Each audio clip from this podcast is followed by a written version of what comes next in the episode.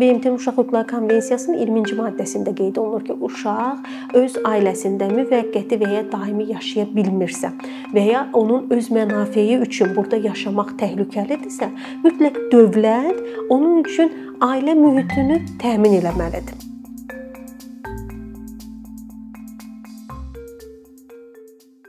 Biz tarixə nəzər yetirsək, biz orada görürük ki, müxtəlif dövrlərdə uşaqlar müxtəlif səbəblərdən valideynlərini itiriblər və valideynlərini itirmək səbəblərinin nəticəsində də onlar ailə mühitindən belə deyək, kənar böyüməyə başlayıblar. Bu müxtəlif ta qədim zamanlara getsək, bu daha çox hansı səbəblər ola bilirdi?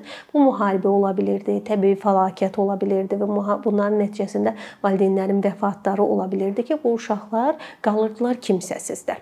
Və bu kimsəsizlik qaldıqları dövrdə o dövrdə onlar üçün daha çox hansı formada dəstək olunurdu? Onlar dövrdə onlara məsələn monastırlarda, kilsələrin nəzdində hansı sığınacaqlar ola bilirdi ki, bu sığınacaqlarda o uşaqlara qayğı göstərilə bilirdi. Məsələn, yeməklə, qida ilə və s. Amma bunu tam əhatə olunmaya bilirdi müxtəlif belə deyək yerlərdə və ya ölkələrdə. Və nəticə olaraq nə olurdu? Bir çox uşaqlar küçədə, yəni belə deyək də həyatları bitmiş ola bilirdi və yaxud da ki, oğurluq, qanunla münaqişədə olma və s. hallarından rastlaşmaq olurdu. Sonradan artıq 18-ci əsrdə, 19-cu əsrdə başlayaraq bunlar artıq dövlət səviyyəsində bu cür uşaqlara qayğı göstərmək dövlət səviyyəsində olunmağa başladı və dövlət səviyyəsində olunmağa başlanılan zamanda bizim hal-hazırda adlandırdığımız ənənəvi belə deyək, uşaq ev müəssisələri yaranmağa başladı. Uşaq ənənəvi uşaq müəssisələri deyəndə biz nələri nəzərdə tuturuq? Bu körpələr evidir. Adətən körpələr evində 0-3 yaşında olan uşaqlar olurlar. Sonra biz buna gedirik uşaq evi. Uşaq evində uşaqlar 3 yaşından başlayaraq 18 yaşına qədər qalırlar və internat məktəbləri adlandırdığımız yerlər var. Həmin o ənənəvi uşaq müəssisələrinin içərisində internat məktəblərinin içərisində bir çox şeylər gedə, yəni internat məktəbləri var. Burada sağlam imkanı məhdud olan uşaqlar üçün nəzərdə tutulan internat məktəbləri var, ümumi internat məktəbləri var və s. Biraz bunlar haqqında qısa onu deyə bilərəm ki, məsələn internat məktəbi adından da göründüyü kimi bir məktəbdir. Onun içərisində təhsil verilir və eyni zamanda uşaqlar burada gecələyirlər də. Əslində tam olaraq gecələmək üçün nəzərdə tutulmasa belə müəyyən dövrlərdə müəyyən səbəblərdən məsəl üçün uşaqlar orada qalmalı olublar gecələrdə, altı bazarda, yəni həftə sonlarda qalıblar. Amma uşaq evlərində necə bir formadır? Uşaq evində artıq 3 yaşından başlayaraq gəlinən uşaqlar ora bir ev formasında olur. Orada uşaqlar yaşayırlar. Amma burada bağçaya kənara gedə bilirlər, icmadakı bağçaya, məktəblərə, icmadakı məktəblərə gedə bilirlər. Yəni internat məktəbindən fərqli olaraq hər şey bir yerdə fokuslaşmır. Yəni o kənara çıxa bilər. Amma onunla belə bu müəssisələrin hər birində necə bir şey var? Burada kollektiv yanaşma var. Yəni toplu yanaşmalar mövcuddur. Fərdi yanaşma mövcud deyil. Məsələn, bir qrupda 20, 25, 30-a yaxın uşaqlar qala bilər və onlara qayğı göstərən tərbiyəçilər deyək, müəllimlər deyək, necə istəsək adlandıra bilərik. Onlar sayları məhdud olur. Yəni məsələn, tutalım ki, bir uşağa bir tərbiyəçi deyil və yaxud iki uşağa bir tərbiyəçi deyil. Tutalım ki, 25 uşağa iki tərbiyəçi nəzərdə tutulur. Və bunun bütün bu ənənəvinin nəticəsi nə ilə gəlib çıxır? Nəticə ondan gəlir gəlib çıxır ki, bu uşaqlar belə deyək, gələcəyin bir şəxsiyyəti kimi formalaşmasında problemlər yaranır. Çünki onlara fərdi yanaşma yoxdur. Fərdi yanaşma olmadığı üçün onlar üçün ayrıca göstərilən sevgi yoxdur. Bu sevgi kollektiv şəkildə göstərilə bilər və ya göstərilməyə bilər. Bunu hələ o dərinliyinə getsək biz bunu araşdırsaq görə bilərik ki, bəlkə də heç göstərilmir bu sevgi kifayət qədər. Və nəticə olaraq nədən ibarət olur? Bu uşaqların özgüvəni hissi aşağı olur. Onların başqalarına inam hissi aşağı olur. Sonra bu uşaqlarda nələr mövcud olur? Başlayırlar bu həyatda deviant davranışlar nümayiş etdirə bilirlər. Aqressiya mövcud olur, depressiya düşmək mövcud ola bilər. Yəni çünki burada düşünün 3 yaşından və ya daha körpə yaşından götürək, lap elə götürək 7 yaşından mənə göstərilən qayğı kifayət qədər deyil. Mən məsəl üçün istədiyim cür yemək yemirəm. Mən paltar alınanda soruşulmur sən hansı paltarı istəyirsən, sən nə geyinmək istəyirsən. Mən toplu şəkildə hamının saçı eyni hörmət görülür, məsəl üçün deyirəm, göndərilir və ya standart paltarlarımı geyinib göndəririk və ya mənim fikrim heç soruşulmadan olunur və nəticə olaraq mən oranı tərk elədikdə uşaq müəssisəsini mən özüm öz ayağım üzərində necə durmağın yollarını bilmirəm. Çünki bunlar mənə öyrədilməyibdi. Və belə deyək, aparılan tədqiqatlar elm inkişaf elədikcə, məsəl üçün psixoloqların, pedaqoqların, sosial işçilərin, sosial pedaqoqların apardığı tədqiqatlar onun nəticəyə gəldi, çıxartdı ki, heç dünyanın heç bir yerində bu ənənəvi uşaq məsələləri uşaqların inkişafı üçün əlverişli bir yer deyil.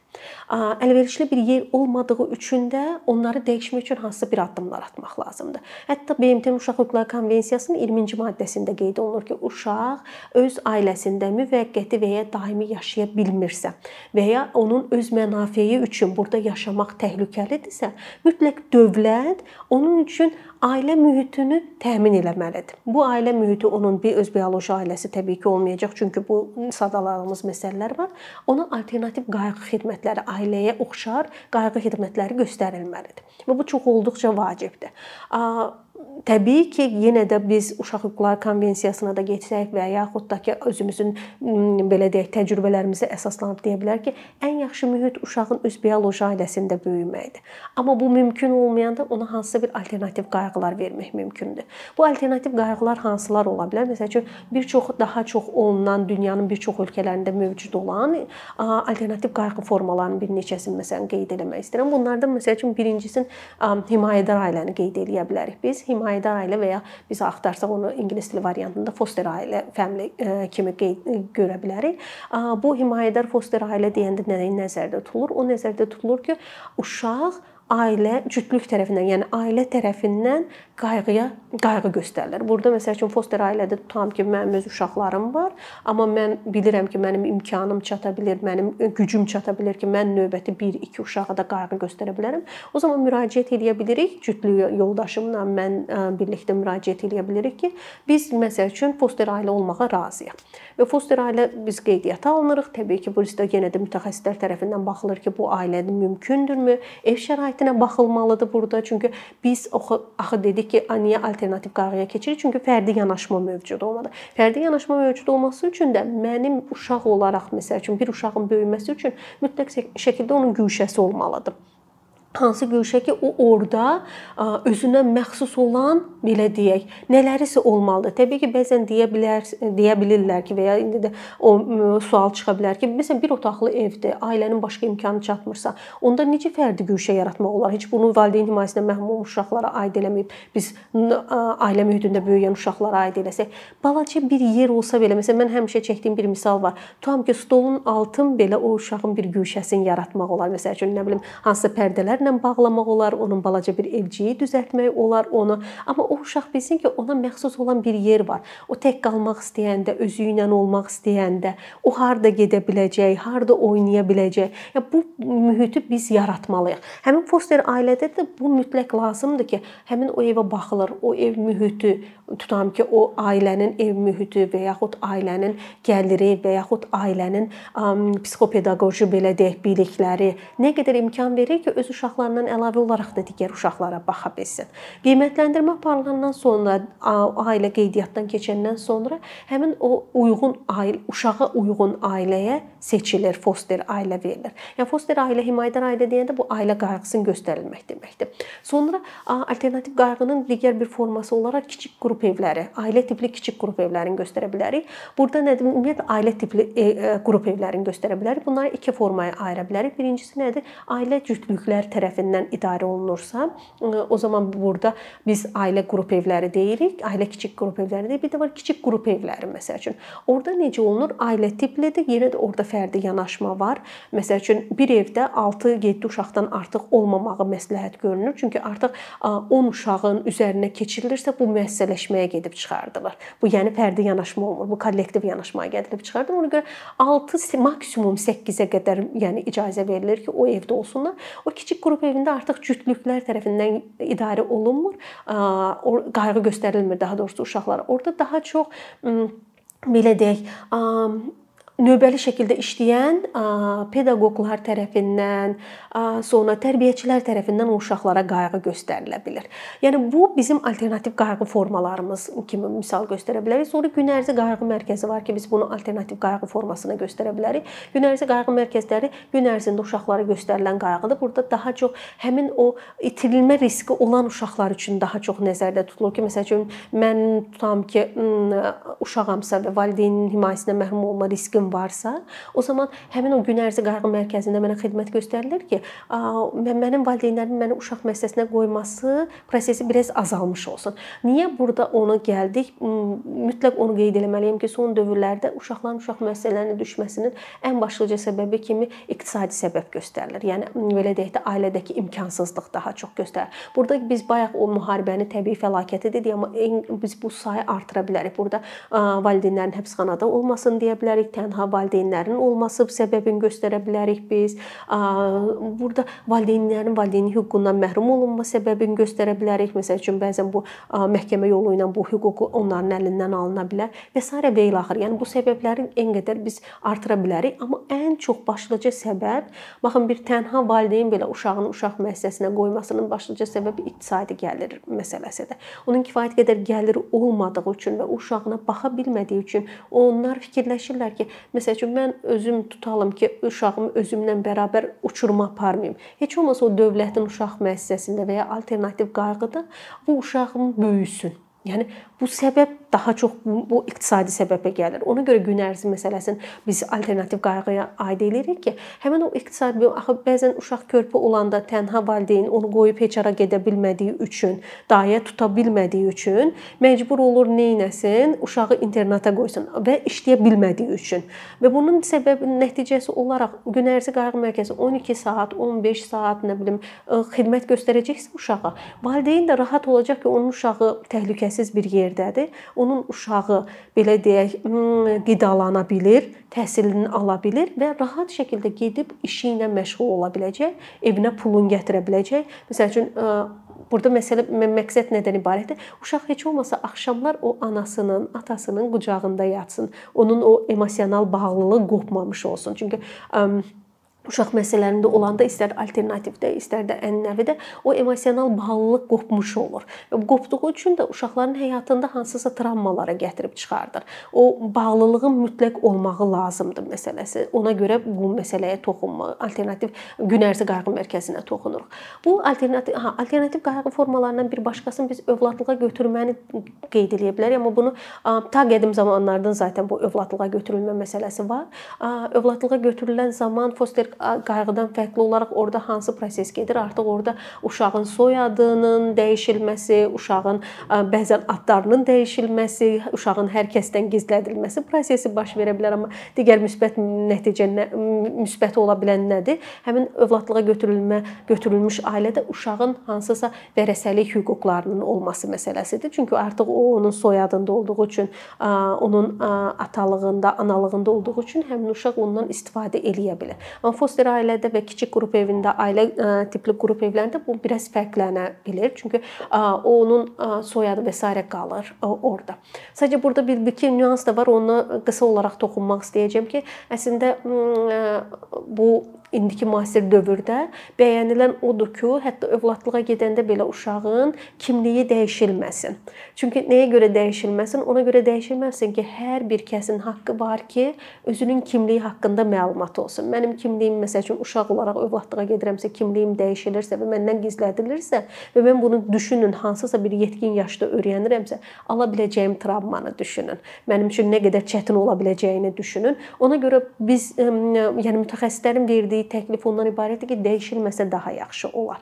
Bu baxımından bu bizim alternativ qayğı formalarımız kimi misal göstərə bilərik. Mən toxunmaq istədiyim məsələ nədir? Bu ümumiyyətlə dünyanın hər yerində var ənənəvi uşaq məsələləri, alternativ qayğı formaları. Biraz toxunmaq istədiyim bizim ölkəmizdə vəziyyət necədir? Onunla bağlı toxunmaq istərdim.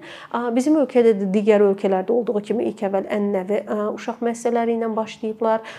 Yəni Sovet dövründə də bu internat məktəbləri, uşaq evlərinin sayları kifayət kifayət qədər olubdur. Amma müharibə dövründə məsəl üçün 1-ci Qarabağ müharibəsi dövründə məcburi köçkünlərinin sayının artmağı, müharibədə belə deyək, şəhidlərimizin çox olmağı, nəticədə tənha qalan anaların uşaqlara tək olaraq baxa bilməməklərinin və yaxud hər iki valideynlərinin itirilməsi və s.nin nəticəsi olaraq həmin o uşaq o evlərinin, uşaq müəssisələrinin, internat məktəblərinin içərisindəki uşaqların sayı kifayət qədər artmışdı. Yəni bizim o müstəqilliyimizin ilk dövrlərində də. Amma sonradan gördükcə ki, o bayaq qeyd elədiyimiz kimi, qeyd elədiyim kimi gördükcə gördükcə ki, yox, bu uşaqların yaxşılığı üçün olmayan bir şeydir. Məsələn, onun dəyişilməsi üçün 2006-cı, 2015-ci il ərzində dövlət tərəfindən deinstitutlaşma və alternativ qayğı dövlət proqramı həyata keçirilməyə başladı. Burada məqsəd nədən ibarət idi? Məqsəd ondan ibarət idi ki, çünki o biz nəzər yetirsəydik, statistik məlumatları nəzər yetirsək, görəcəyik ki, orada uşaq məsələlərində olan uşaqların hardasa 90%, bəlkə də biraz 90%-dən də çoxunun ən azı bir bioloji valideyni var. Yəni onlar tamamilə kimsəsiz belə deyək də, hər iki valideyni itirmiş uşaqlar deyirlər. Və ona görə bu proqram çərçivəsində hansı işlər görüldü? Bu proqram çərçivəsində o bioloji valideynlərlə onların yenidən reinteqrasiya olunması prosesi, yəni yenidən birləşməsi prosesi həyata keçirilməyə başladı. Buna görə də uşaq məsələsindəki uşaqların bir sıra saylarının azalması müşahidə olundu. Ondan əlavə olaraq iki dənə alternativ qayğı belə deyək müəssisəsi yaradıldı dövlət səviyyəsində. Bunun biri qızlar üçün nəzərdə tutulan kiçik qrup evi idi, digəri isə oğlanlar üçün nəzərdə tutulan kiçik qrup evi idi. Bundan əlavə olaraq bizim ölkəmizdə qeyri-hökumət təşkilatları tərəfindən belə deyək də ictimai əsaslarla fəaliyyət göstərən bir sırada alternativ qayğı formaları var. Məsəl üçün tutam ki, Sos uşaq kəndi var. Həmin o Sos uşaq kəndində də uşaqlar üçün ailə tipli kiçik qrup evləri fəaliyyət göstərir. Sonra məsəl üçün Azərbaycan Uşaqlar Birliyi var. Orda küçə həyatına məruz qalmış uşaqlar üçün sığınacaq kimi nəzərdə tutulur. Yəni belə bir qeyri-hökumət təşkilatları da var ki, onlar da bu fəaliyyətləri göstərirlər orada. Bundan əlavə olaraq biz valideyn himayəsindən məhrum olmuş uşaqlar haqqında ümumiyyətlə danışırıq, amma orada eyni zamanda qeyd etməliyik ki, sağlam imkanı məhdud olan uşaqlar da var. Onlar üçün də məsəl üçün internat məktəbləri, internat evləri nəzərdə tutulub. Çünki bu biraz da daha da ağır bir formada olur. Çünki bəzən bir sıra valideynlər, əlilliyi olan uşaqları olan valideynlər onlarla necə işlənə biləcəklərindən bilmədikləri üçün, reabilitasiyaya necə müraciət edəcəklərini bilmədikləri üçün bir çox hallarda onlar uşaqlarını internat məktəblərində məktəblərində yerləşdirə bilirlər. Yəni bu proses hal-hazırda da ölkədə həmin proses üzərində gedir ki, inkluziv təhsil, yəni uşaqların belə deyək, inkluziv təhsil tipik məktəblərdə, orta məktəblərdə tipik uşaqlarla sağlam imkanı məhdud olan uşaqların eyni təhsil alması məsələsinin üzərindən gedilir və düşünürəm ki, bu proses daha güclü davam eləsə, həmin o sağlam imkanı məhdud olan uşaqlar üçün nəzərdə tutulan internat məktəbində də uşaqların sayının azalma prosesi gedə biləcək. Çünki burada artıq valideyn valideynlər başa düşəcək ki, onların uşaqları məktəbə gedə bilərlər və orada məktəbdə müəllimlər onlara nələr söyləyəcəklər və bu onlar üçün evə gələndə çətinlik yaratmayacaq. Mən məsəl üçün bir dənə burada bir haşiyə çıxaraq işlədiyim ailələrlə işlədiyim zaman bir кейs misal çəkmək istəyirəm sizə. Sən bizdə bir ailəmiz var idi. Onun uşağının görmə qabiliyyəti yox idi. Yəni görməsində problem var idi və o uşağının 5-6 yaşına qədər özü saxlayırdı. Ana da, ata da və çox da sevirdilər uşaqlarını. Amma müəyyən o həmin o yaşdan sonra onlar dedilər ki, biz bacara bilmirik. Çünki biz işləmək məcburiyyətindəyik. Məsələn, ata işə gedirdi, ana evdə idi, amma evdə olduğu müddətdə ana məsəl üçün bəzən yemək bişirməyə getdiyi yerdə uşaq ki görə bilmirdi. Gəlir gəlmişdi ki, məsələn, bir dəfə uşaq əlin vurub peçə və əlində izlər, yanıq falan və s. var var və o fikirləşmişdi, o ailə fikirləşmişdi ki, o internat məktəbinə qoysalar, o uşaqlarına daha yaxşı baxa bilərlər, nəinki onlar evdə.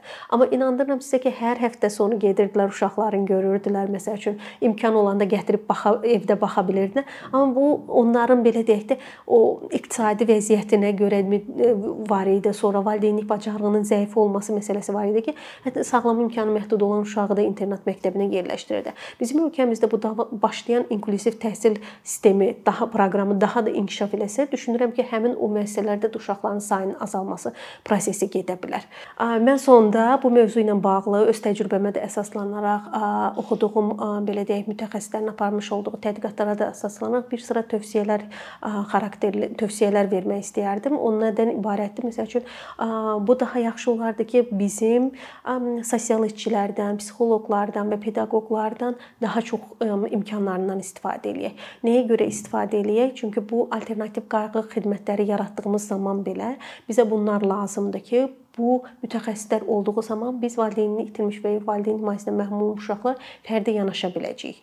Onlarla çünki hər bir uşaqla fərdi inkişaf planı ayrıca tutulmalıdır. O fərdi inkişaf planı addım-addım tədbirlər qeyd olunmalıdır və bu tədbirlər yerinə yetirilməlidir ki, o uşağın gələcəkdə bir müstəqil insan kimi, bir şəxsiyyət kimi formalaşa bilsin. Bunun üçün də mütləq şəkildə lazımdır ki, hətta hal-hazırda ənənəvi bir müəssisələrimiz qalmış olsa belə ölkəmizdə, onların özündə belə bu mütəxəssislərin olmağı mütləq lazımdır. Düzdür, orada psixoloqlar var, amma məsəl üçün sosial işçilər yoxdur.